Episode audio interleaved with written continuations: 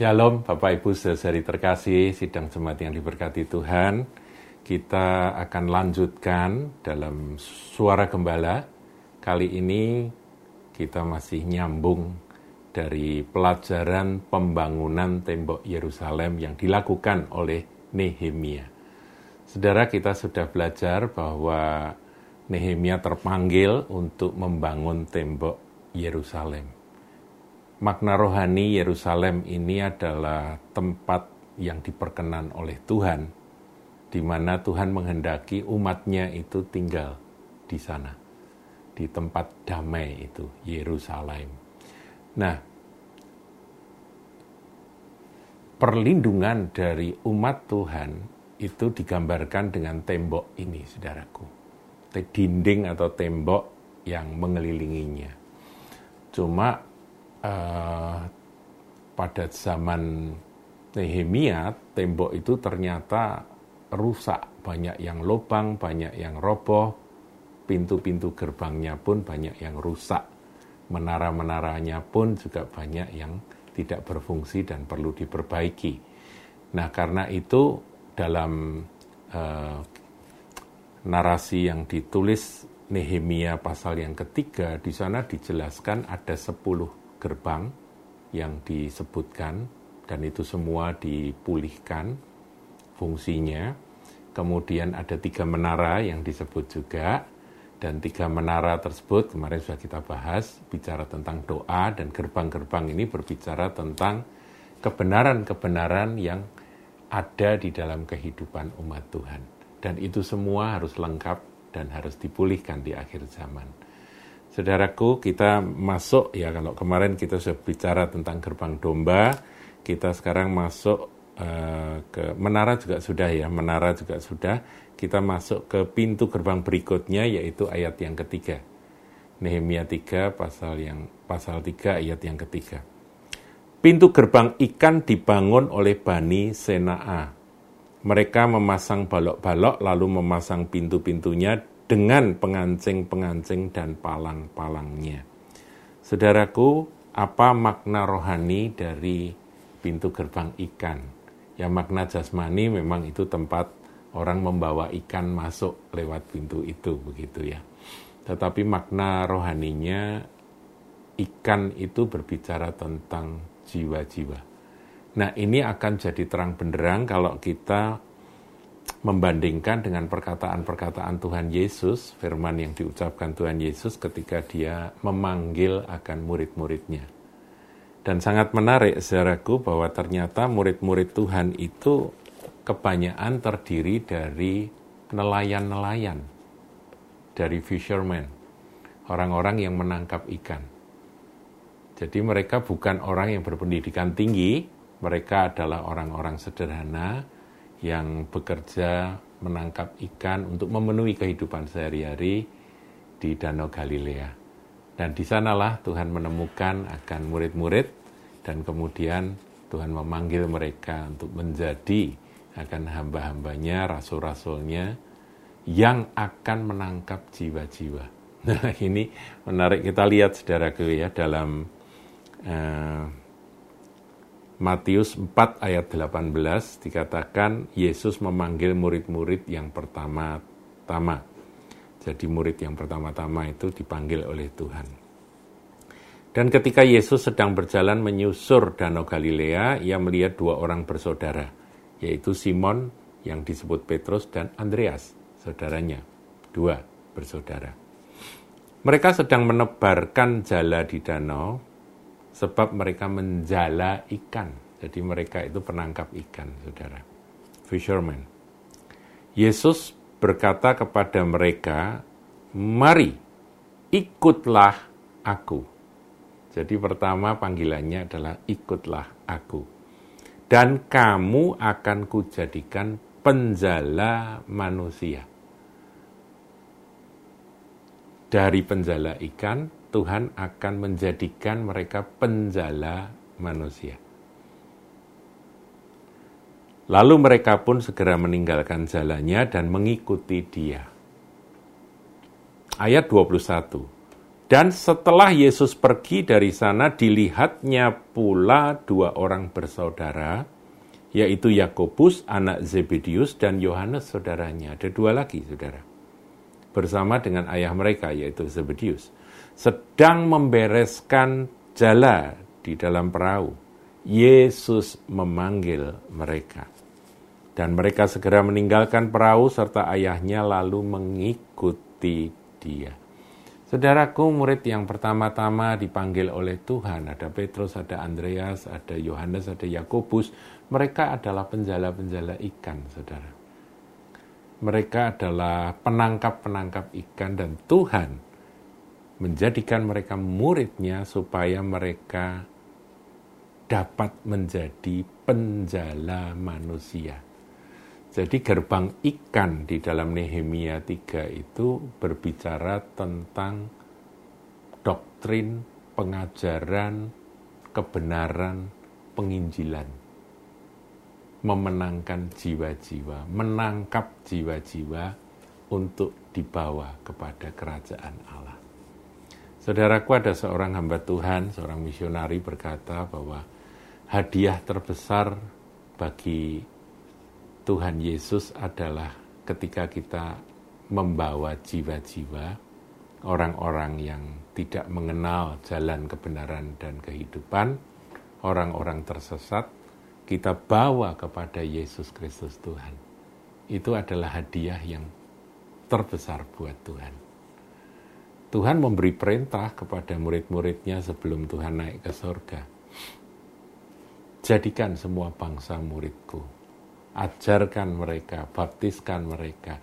Jadi ini merupakan perintah menjala jiwa-jiwa ini merupakan perintah. Nah inilah gerbang ikan yang harus dipulihkan.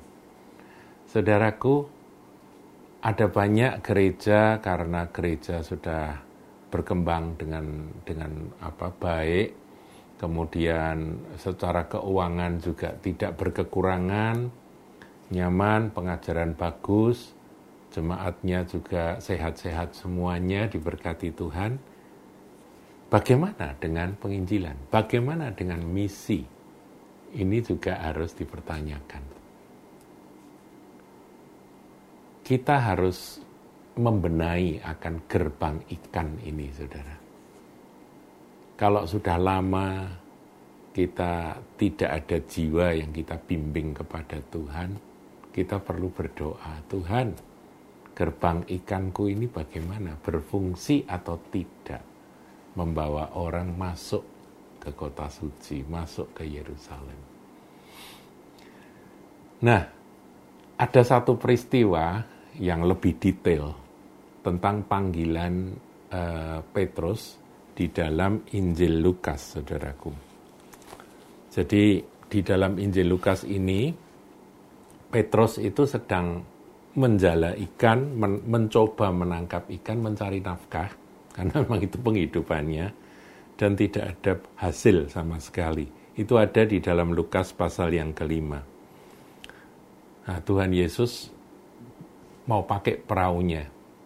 Kemudian perahunya dipakai, meskipun Petrus pada waktu itu stres karena semalam-malaman bekerja dan tidak ada uh, hasil sama sekali, nggak ada ikan yang ditangkap. Tapi Tuhan pakai, Tuhan berbicara dari perahunya Simon Petrus itu. Kemudian ayat 4 ya saudara ini saya bacakan. Setelah selesai berbicara, ia berkata kepada Simon, bertolaklah ke tempat yang dalam dan tebarkanlah jalamu untuk menangkap ikan.